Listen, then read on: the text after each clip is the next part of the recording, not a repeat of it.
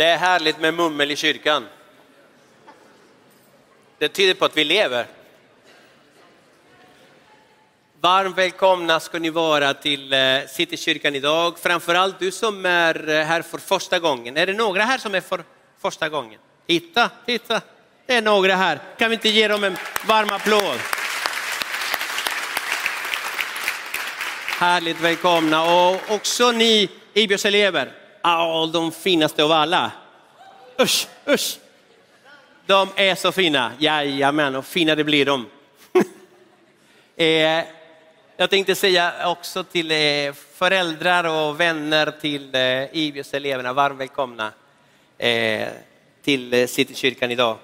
Eh, Jorge Moreno är mitt namn. Glömde att tacka lovsångsteamet. Tack så jättemycket för en fantastisk lovsång.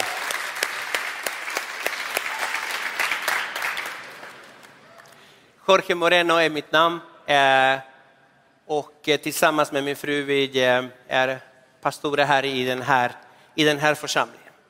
Det skulle vara Paul som skulle predika idag. Jag är inte Paul. Men han vaknade för några dagar sedan med, med feber. Han har haft covid, så det har inte utvecklats så bra.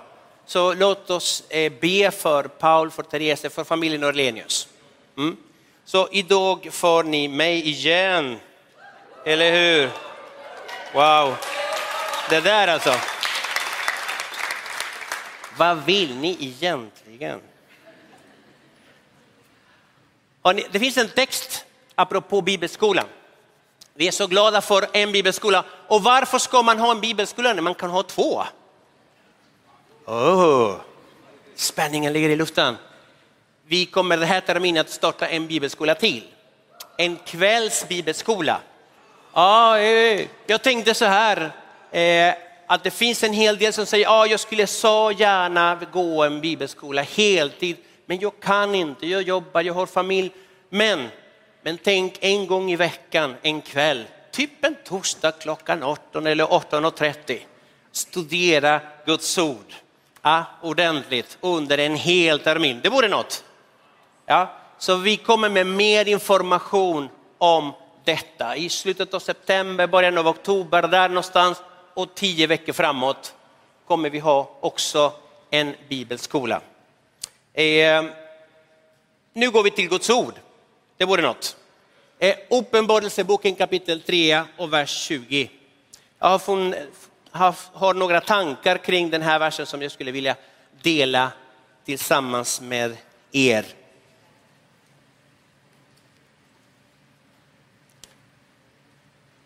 Uppenbarelseboken kapitel 3 och vers 20. Och där står så här.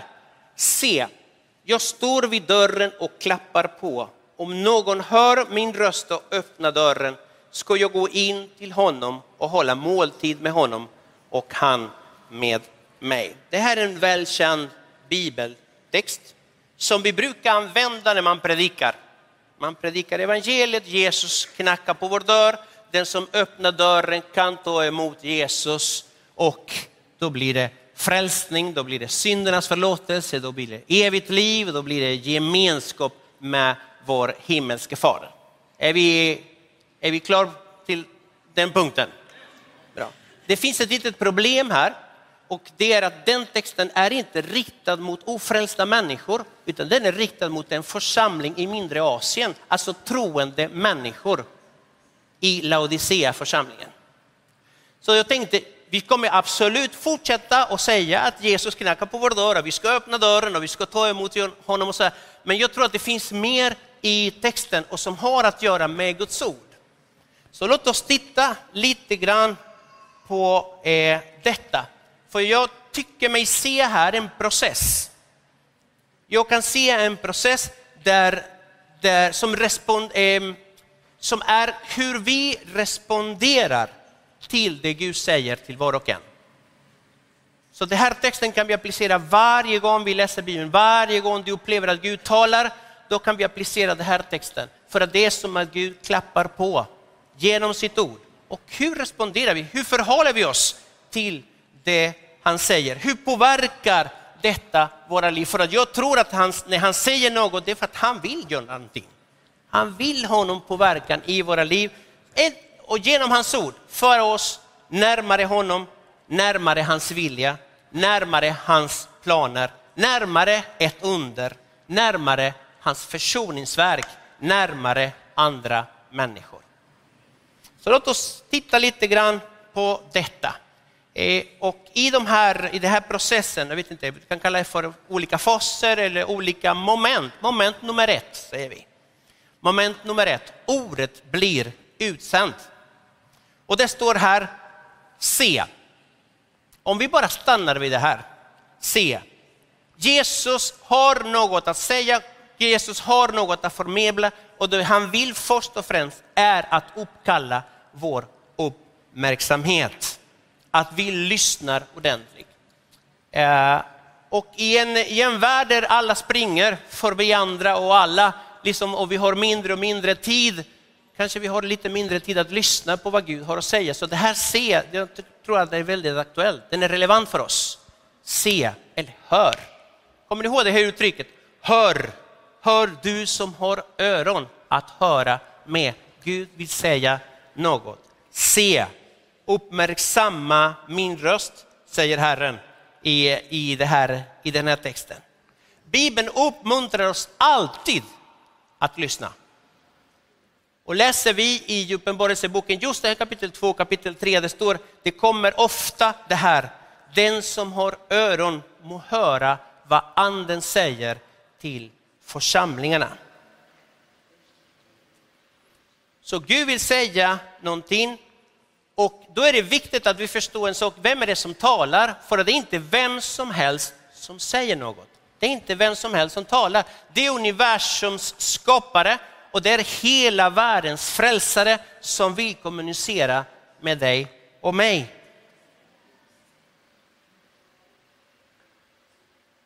Att upptäcka hans röst mitt i en storm, det är som att gå på vatten.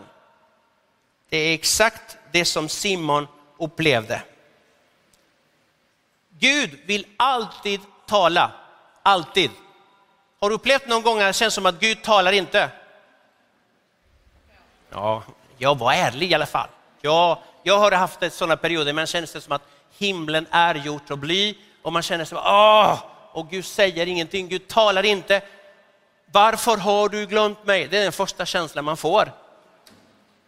Men saken är att Gud talar alltid. Han talar alltid och han vill alltid att vi ska komma i kontakt med hans ord.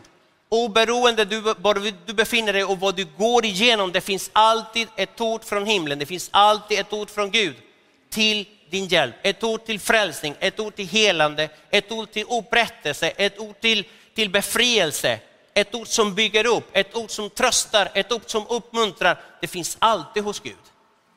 Så Gud är en Gud som talar. Hans ord kommer alltid att föra oss närmare honom, hans hjärta. Och den texten som jag läste, att han vill sända en hunger, framförallt efter hans ord. Må Herren ge oss nåd i det här landet. Att vi vänder oss till honom, att vi blir ett tillvänt folk som vill lyssna till det han har att säga. Men för att uppleva det här krävs också lite grann från oss. En nyfikenhet, en hunger, en, en att jag lutar mig in för att lyssna till Guds röst. Och då tänkte jag på um, en, en liten kille, han hette Samuel, profeten Samuel. Eh, och vi finner honom i första Samuelsboken kapitel 3. Där. För han hörde sitt namn, Samuel, Samuel, mitt i natten. Då går han upp och går han till prästen Eli, för han jobbar med honom. Och han säger, du, du ropar på mig. Nej, det har jag inte gjort. Och det här upprepas flera gånger tills Eli bara fattar, men kanske det är Gud som talar. Nästa gång, Samuel, som du hör den rösten, säg så här. Tala Herren, din tjänare hör. Så nästa gång Samuel, Samuel, då gjorde han precis så. Tala Herre, din tjänare hör. Och där börjar en relation mellan Gud och Samuel. Sändaren han som sänder ut sitt ord. Sändaren letar efter en mottagare. Hoppas att Herren ger oss känsliga öron som vi kan uppfatta när han ropar vårt namn, när han kallar oss. Moment nummer två. Ordet blir mottaget. Här säger Jesus, om någon hör min röst, om någon öppnar dörren. Det finns ett stort om. Och det här syftar på att inte alla hör och inte alla kommer att öppna dörren.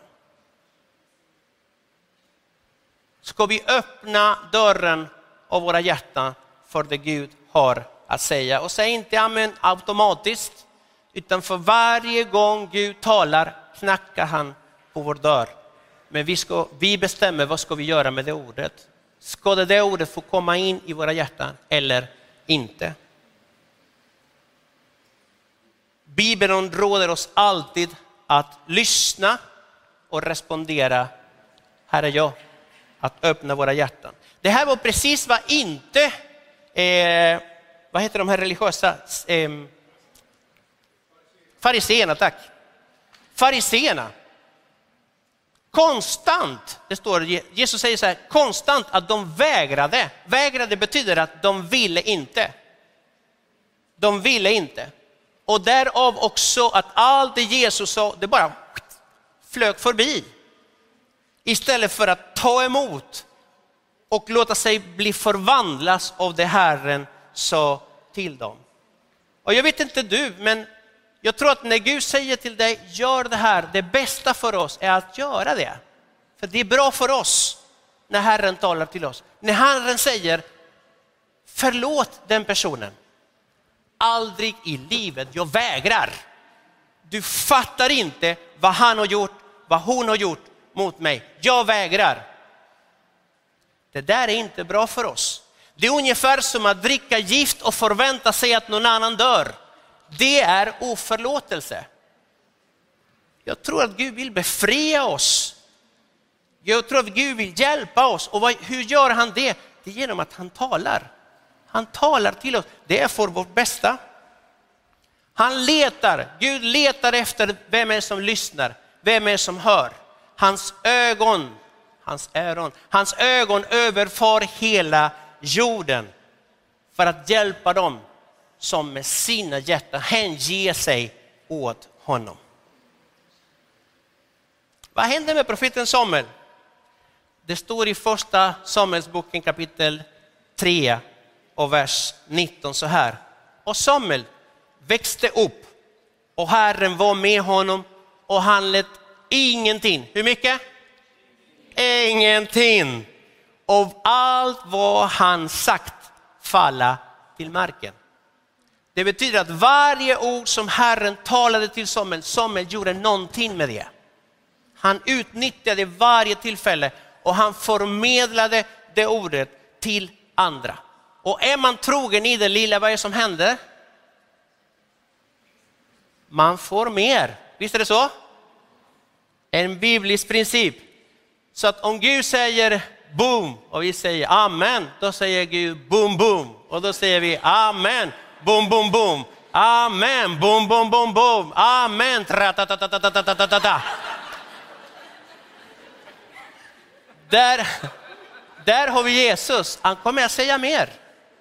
När vi inte låter ett ord falla till marken, när vi utnyttjar varje tillfälle han talar, när vi lyssnar och tar in det och välkomnar det in i våra röster. Vad var det som hände med Samuel? I nästa vers, i kapitel 3 och vers 20, i första Samuelsboken, det står så här. Hela Israel, hela landet, hela folket, från Dan ända till Beersheba, förstod att Samuel var betrodd att vara en Herrens profet. Där har vi någon som lyssnar och gör. Just det, förresten, titeln på det här predikan heter Att bli en ordets görare. Ja, detaljer. Eh, fortsätter vi i texten i Uppenbarelseboken kapitel 3 och vers 20. Det står så här, jag ska in jag ska gå in till honom. Eh, moment nummer tre, det utsända ordet har alltid ett syfte. Gud har alltid ett syfte med det han säger och det han vill det är att det som han säger påverkar vårt sinne, påverkar våra hjärtan, påverkar våra liv så att det han säger blir ett kött med vårt system.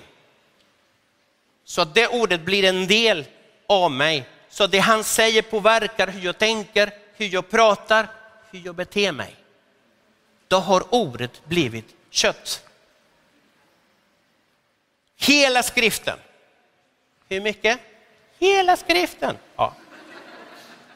Hela skriften, alla skrifter, alla böcker har ett syfte. Har ett syfte och det är utandad av Gud. Gud andas ut genom att tala. Mm. Det står att inspirerad också. Det är liksom, han andas ut över oss varje gång han talar och vi behöver det. Vi behöver komma närmare, känna hans andedräkt. För att mina ord, i mina ord är ande och liv. Om vi vill leva det liv som han har för dig och mig, jag tror vi måste komma lite närmare och lyssna. Varför då? För att där kommer vi höra nyanserna, tonerna i det Herren menar. Ibland säger Gud nu, inte imorgon, nu. Men jag uppfattar det för att jag har hört det förr. Då tar jag det. Ibland behöver vi ta risker, men jag fattar det för jag, jag vet vem som har talat. Jag hör min mästares röst. Därför vet jag att det är bråttom. Och det kan handla om ring Peter, ring Victoria, prata med det, gå till det, ta inte den bussen, ta nästa buss. Inte vet jag, det kan handla om små grejer eller stora grejer. Men Gud har ett syfte. Och det är alltid handlar om samma sak, att en person kommer närmare Gud. Att en situation får en lösning. Alla ord som vi hittar i Bibeln är till vår nytta. Hela skriften är inspirerad, utandad av Gud för att hjälpa oss. För att hjälpa oss. Och hela skriften pekar alltid på en enda person och det är Jesus, mycket väl godkänd. Hela gamla testamentet pekar på att han, någon ska komma, Messias ska komma. Hela nya testamentet säger han har kommit. Han är huvudfiguren i Bibeln. Jag kan inte läsa Bibeln utan att jag kommer lite närmare Jesus. Det är syftet med ordet.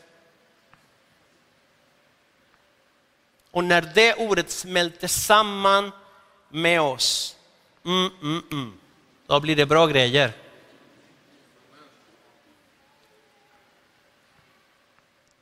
Varje ord Herren säger, det säger han inte för att, vi, för att det låter bra. Ja, det där är bara en, liten fra, en bra fras, det ska ha den som en slagan på bilden. Det var inte meningen. Utan det han säger är det han tänker göra. Alltså ordet först, handlingen sen. Genom att han säger något, han visar oss, han ger en fingervisning åt vilket håll han rör sig. När han säger följ mig, han alltid talar. Talar, talar om vilken riktning vi ska gå. Och för varje gång vi säger amen, då blir det boom. Amen, boom. Amen. Vi följer honom, han leder oss genom sitt ord. Och då kommer vi i den riktning han pekar på. Vi följer hans väg. Moment nummer fyra. Ordet påverkar våra hjärtan. Jag, jag, stort jag, säger Jesus. Jag ska gå in till honom. Det är inte bara fina fraser, utan det är Herren och Herrens ord som kommer in i oss. Som kommer in i en situation som påminner oss om det han har lovat, påminner oss om vilka underbara löften finns för dig och mig. Det är ett privilegium att Gud talar till dig och mig. Var rädd om varje ord. Jag pratade om den där tiden där jag kände att himlen var som bly. Och jag kommer ihåg en gång jag gick ut i skogen och var lite så allmänt sur och besviken. Ah, det märks Gud att du inte älskar mig. Så, så, det här rekommenderar jag inte att ni gör, verkligen. Det här får stanna mellan oss bara. Men jag var så bitter att jag bara, så här gjorde jag mot Gud. Och då upplevde jag en pep, från Gud. Jag vet inte om du har upplevt det någon gång. Men det var liksom som att stopp och belägg, nu räcker det. Nu har du gråtit tillräckligt bra, jag fattar din situation, jag vet att du är ledsen, men nu har du gått över en gräns. Hur kan jag glömma dig? Kan en mor glömma frukten av sin sköte även om hon gör det? Jag gör inte det. Se, jag har ditt namn upptecknat på mina händer och dina murar står ständigt inför dig. Hur kan jag glömma det? Hur, kan du, hur vågar du säga något sånt? Och jag skämdes, jag har aldrig skämt så mycket som den gången. Förlåt Gud för att du är god, bara god och alltid god. Min bekännelse, Ivius-eleverna, ni vet att jag tjatar så mycket om det här, att Gud är god, bara god och alltid god. Det kommer någonstans ifrån. Det är inte någon fin fras som jag upprepar, utan det är någonting som jag har upplevt när Gud märkte mig med sitt ord. Han kan inte glömma mig. Han kan inte överge mig. Han älskar dig och mig alldeles för mycket. Oberoende våra känslor, oberoende vad vi går igenom, han älskar dig.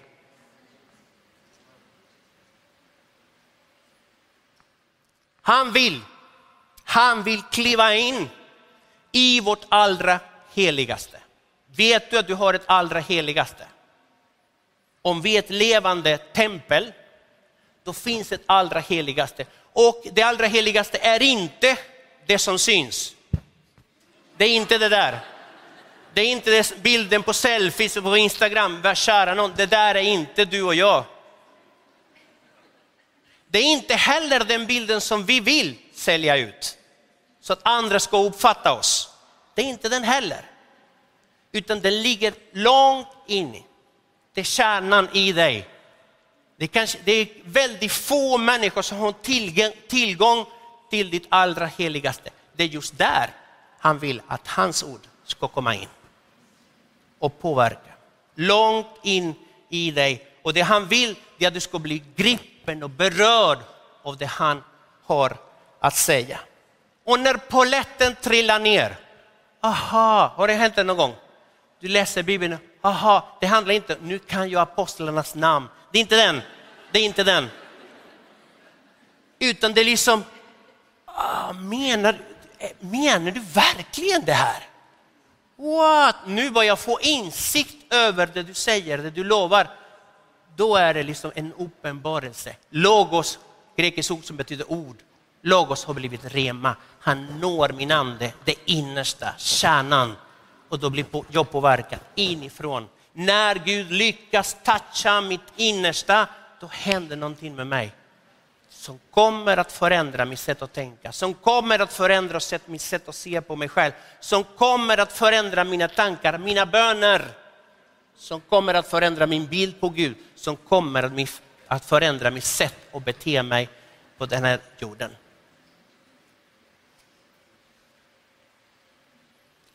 I gamla testamentet ser vi Mose när han blir kallad. Mose, Mose och Gud talar genom en brinnande buske i gamla testamentet. Jag tror att i nya testamentet Gud talar genom brinnande hjärtan.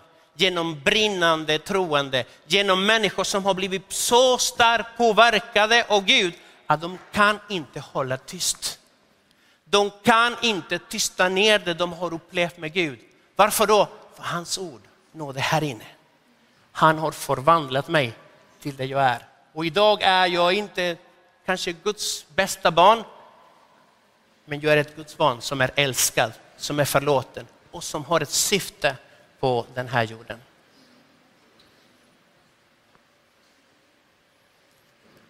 Moment nummer fem. Ordet blir andlig mat för den nya människan. Han säger så här, jag ska hålla måltid med honom och han med mig. Genom sitt ord, Herren bjuder oss till middag. För en människa ska inte leva bara av bröd, utan av varje ord som kommer ur Guds mun. Så varje gång han talar, det där är mat. Det finns näring i det han säger. Det finns en kraft, det finns en otrolig, enorm inkapslad kraft i varje ord han säger. Och när vi tror på det, när vi tar emot det, då får vi näring i våra hjärtan och i våra liv. När vi inte gör det, då blir vi svaga, undernärda. Vår tillväxt som Guds barn går i proportion till hur vi förhåller oss till hans ord. Därför är det så viktigt att vi läser Bibeln. Jag har pratat med många människor och har märkt mer och mer att de människor som har slutat att läsa sin Bibel får problem. Jag säger inte att du, för att du läser Bibeln, du kommer inte få problem. Jag säljer inte den. Men det händer någonting med oss, vi blir svagare.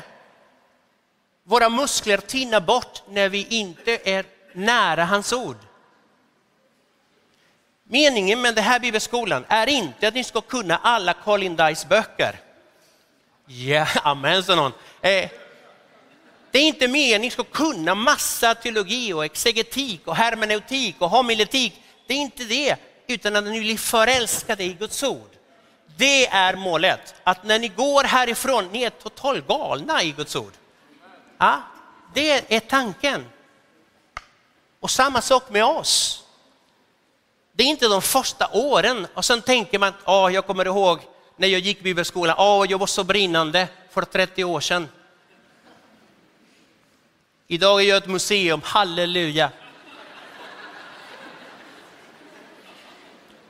Det har gått 30 år, 40 år, 50 år, 60 år och jag är fortfarande galen i Guds ord. Och det bästa jag vet, amen, och det bästa jag vet är att sitta tillsammans med honom och öppna Bibeln. Tala Gud, tala Gud. Din tjänare, din tjänarinna lyssnar.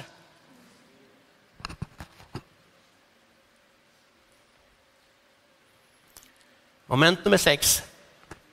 Ordet skapar glädje. Jag ska hålla måltid och det handlar inte bara om att äta. Jag vet inte vad kan det vara. Det är inte bara spaghetti och köttfärssås. Utan jag tror att Herren bjuder på något som är mycket bättre. Han var en livsnjutare. Jag vet inte om varje gång man ser honom, han, han äter någonstans. Han äter liksom, och de kallar honom, vad kallar de honom? Han är en frasare och en drinkare, en vän till publikaner och syndare. Det här säger mig en sak, han gillade att äta och dricka tillsammans med sina polare. Tillsammans med andra, han hade det bra. Han njöt av andra sällskap och liksom, Gabbe, hur är det idag? Är det bra? Det är inte bara att käka, utan det är mer måltid, en festmåltid. Det är delikatesser. Kom igen, det är han som serverar. Det är han som står på förgrillningen. Och då serverar han inte vad som helst. Ica-korvarna, nej, nej. Nej, det är, det är mer än så, det är bättre än så. Entrecote, ja nu är jag hungrig. Det är så fina, fina saker alltså. Fina, fina saker. Att äta en måltid med Herren, det är att sitta vid kungens bord. Det är att äta med kungars kung och herrars herre. Och detta fick uppleva en kille som hette Mefiboset. Han var son till Jonathan, Jonathan var väldigt nära vän till David. Och när David fick upptäcka att Mefiboset levde, han sa så här, du ska alltid äta vid mitt bord. Och Mefiboset åt vid Davids bord som en, som en av kungens söner. Det här är varje gång du öppnar din bibel, min vän, det är middag. Det är en festmåltid. Att äta måltid med Herren, det är att man blir salig. Det är glädje. Salig är den man eller den kvinnan som har sin glädje i Herrens undervisning. Han blir som ett träd planterad vid vattenbäckar. Åh, han kommer att ge bra frukt, allt kommer att gå bra. När vi sätter Gud och hans ord i centrum. Och det sista jag vill säga, moment nummer sju, vi blir budbärare av Guds ord. Vi är bärare av någonting som Herren har talat. Och då tänkte jag på en text eh, i Matteus 9, 36 till 38, men den vill jag avsluta. Det står så här, när han såg folkskarorna förbarmade han sig över dem eftersom de var rivna och slagna som får utan herde. Och han sa till sina lärjungar, skörden är stor men arbetarna är få. Be därför skördens herre att han sänder ut arbetare till sin skörd. Sin skörd. Och den här texten brukar vi använda när vi tänker på evangelisation. Det är så många, vi behöver flera arbetare. Men jag tror inte att det är det som händer här. Utan det vi har här, det är en visionsöverföring. För om du tänker på vad Jesus gör, han gör fyra saker. Den första är, han såg folkskarorna. Han såg någonting, han uppmärksammade något. Det, enda, det andra han gör, är att han förbarmade sig över dem. Det innebär att han kände medlidande för det han såg. Hans hjärta blev påverkat av det han såg.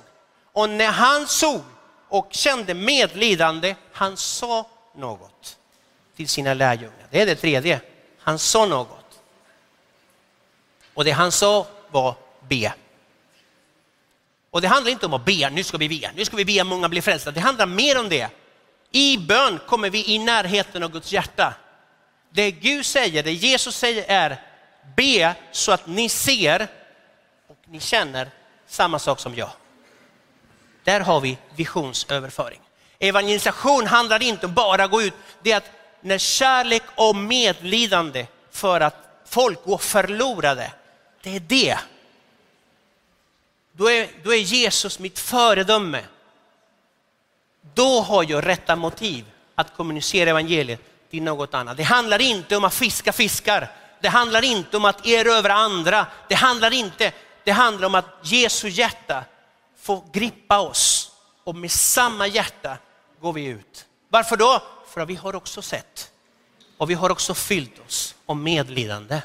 Vi har blivit drabbade av hans passion. Något liknande hittar vi i Gamla Testamentet. Jag sa att det var sista bibeltext, jag ljög, förlåt. Det är andra Moseboken kapitel 3 och vers 7 och det är när Gud kallar Mose. Han säger så här. Jag har sett, ett, jag har sett hur mitt folk förtrycks i Egypten. Två, och jag har hört hur de ropar över sina plågare. Tre, jag känner till deras lidande. Ser ni samma tänkande här? Jag har sett någonting, jag har hört någonting, mitt hjärta har blivit berört. Därför, nu kommer nästa, gå ut, säger han till Mose. Gå ut, jag ska sända dig till farao och du ska föra mitt folk, Israels barn, ut ur Egypten. På grund av att jag har sett, på grund av att mitt hjärta har blivit berört, gå Mose. Vänta, känner ni inte igen det här någonstans ifrån? Nya testamentet. Det sista Jesus säger till sina lärjungar. Missionsbefallningen, gå ut och gör alla människor till lärjungar. Jag ser, jag ser någonting som finns genom hela Bibeln, både i gamla testamentet och i nya testamentet. Gud ser någonting, han hör människor som ropar. Vet du hur många människor, och de här är inte människor som du inte känner, utan det är kanske människor som du känner. Det är dina släktingar, det är mina släktingar, det är dina och mina grannar, det är de arbetskamraterna du har, mina, skolkamraterna, som ropar till Gud. Gud, finns du? Finns du? Var är du någonstans när du går igenom det här och det här och det här och det här? Gud hör det där. Och då säger han, gå till dig och mig. Gå. Gå ut med hoppets evangelium. Låt dem komma lite närmare mig, för dem närmare korset. Hjälp dem så att de förstår vad jag har gjort för dem och när de gör det, när de tar emot det här, mina vänner, då blir det måltid. Inte bara för oss, utan för andra. Vi har en värld som hungrar efter mer av Gud. Hjälp oss min Herre att vi inte säljer religion utan en levande Jesus. Att vi förmedlar en levande Jesus som det enda han vill det är att tala om för oss hur mycket han älskar oss. Visst är han underbar? Amen, amen. Eh, Jag skulle vilja be för, för någon här. Jag kan blunda lite så att vi tittar inte på varandra sådär. Men jag skulle vilja be, eh, be för om någon känner Gud, jag känner att jag har blivit mer apatisk till ditt ord. Jag har blivit mer okänslig till ditt ord. Tack Christian. Jag känner att det var ett tag sedan som jag rörde min bibel. Jag ser att min bibel samlar damm bara i bokhyllan. Jag hör inte Herrens röst som förr. Jag skulle vilja be för dig. Jag skulle be, be för att, att, att, du får en ny passion för hans ord. Att det enda du längtar efter är att få höra honom igen. Du behöver inte räcka upp handen. Gud vet vem du är. Men jag vill be för dig. Herre Jesus, du har lovat och sagt, min Gud, att det kommer dagar där du sänder hunger över landet. Kom min Gud över vårt land med hunger efter dig, efter din närvaro, efter ditt ord Herre. Jag ber Jesus att du väcker upp en passion i oss för att gräva min Gud, skatterna som finns gömda i ditt ord. Hjälp oss min Gud. Tack gode Gud för att du vill tala. Tack för att du är sändare som letar efter en mottagare. Herre, jag vill vara en mottagare av det du säger. Tala min Gud för att din kännare, din tjänarinna vill lyssna. I Jesu underbara namn. Amen. Amen. Amen. Och om du finns här eller om du följer oss genom sändningen så där, som vill ta emot Jesus, som du säger, oh, jag kände att jag måste göra någonting med Jesus. Du kan komma fram här och prata med någon förebedjare. De kommer hjälpa dig, och be för dig så att ett, börjar ett nytt liv tillsammans med Jesus. Gud välsigna er.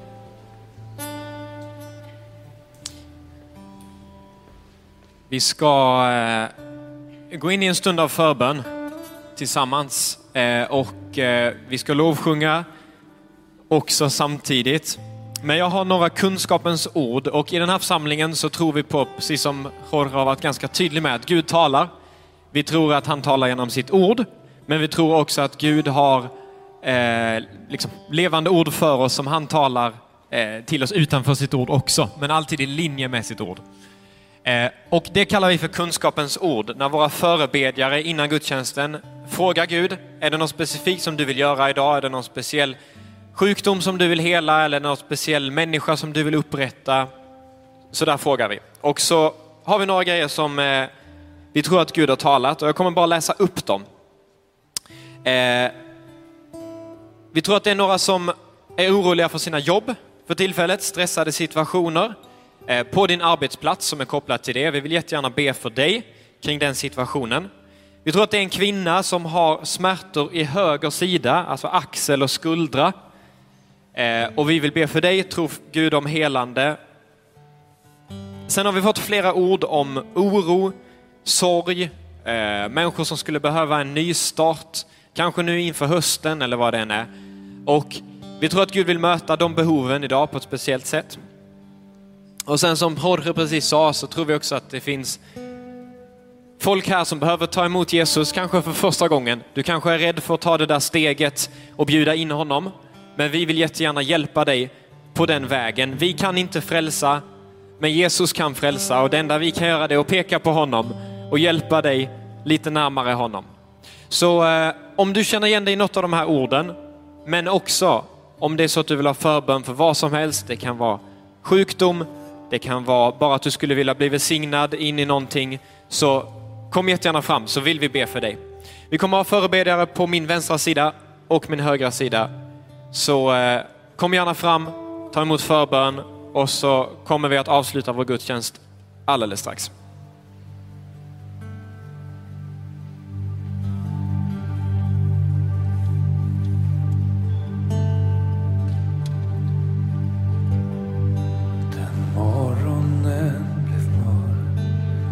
Stjärnor föll i grå när världens frälsare blev slagen.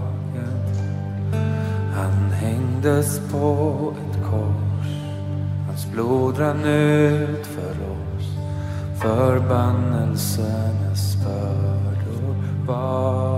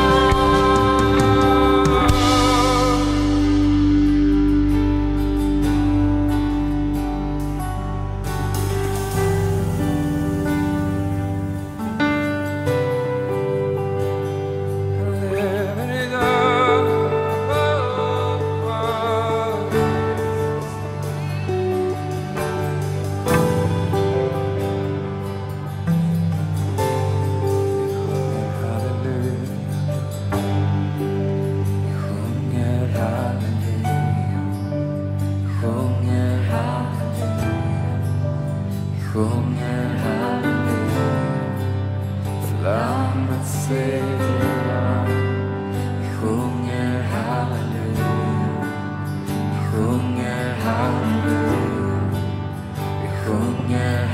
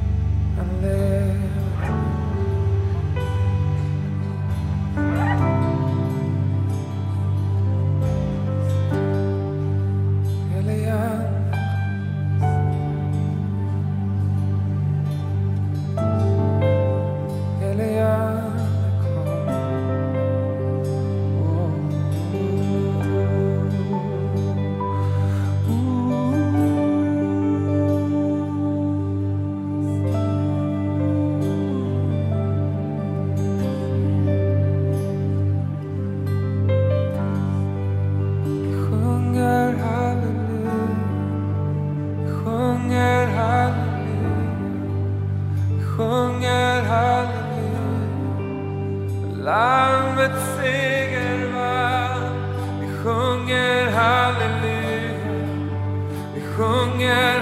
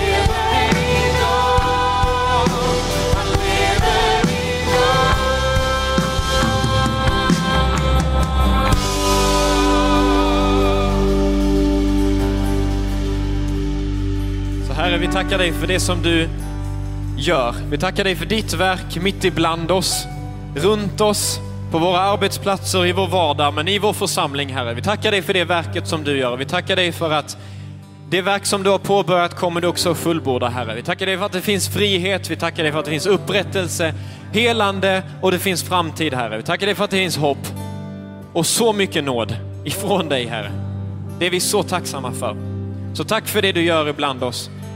Och vi ber Gud, vi säger, säger ja till det och vi ber att ditt rike och din vilja ska få ske ibland oss och runt oss.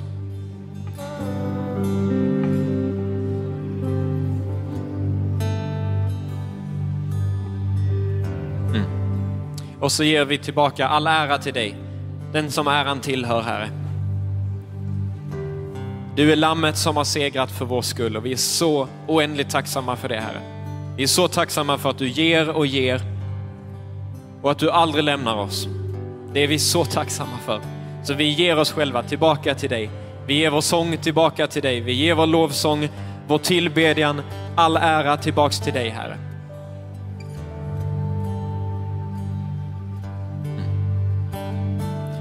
Och så ber vi för fortsättningen av veckan som ligger framför Herre. Vi tackar dig för att du går med oss. Var vi än rör oss så tackar vi dig för att ditt rike bryter fram.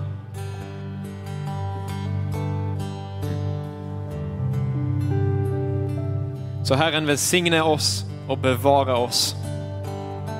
Han låter sitt ansikte få lysa över oss och han vänder sitt ansikte till oss och ger oss av sin oändliga frid. Så i Faderns, Sonen och i den helige Andes namn så ber vi. Amen. Amen. Fint, härligt att få fira gudstjänst tillsammans. Eh, på tisdag så har vi bön klockan 11 och 18. Jag påminner om det. Kom tillbaka då, be tillsammans med oss. Sen är det så att nästa söndag så har vi gemensam gudstjänst med vår engelsktalande del i vår församling. Så gemensam gudstjänst klockan 10.30. Det kommer bli superbra. Hoppa med på det. Eh, och nu finns det fika uppe på läktaren här. Men för er som går IBIOS internship och som är anmälda eh, anhöriga till våra elever så ska ni ut i foajén och sen så ska ni tre trappor upp. Det kommer nog stå någon fin intern och visa vägen också. Men tre trappor upp till konditoriet så har vi fika för IBIOS-elever, internship-elever och anhöriga där uppe. Ni andra som vill ha fika finns det uppe på läktaren. Så tack för idag, ha en välsignad vecka, så ses vi.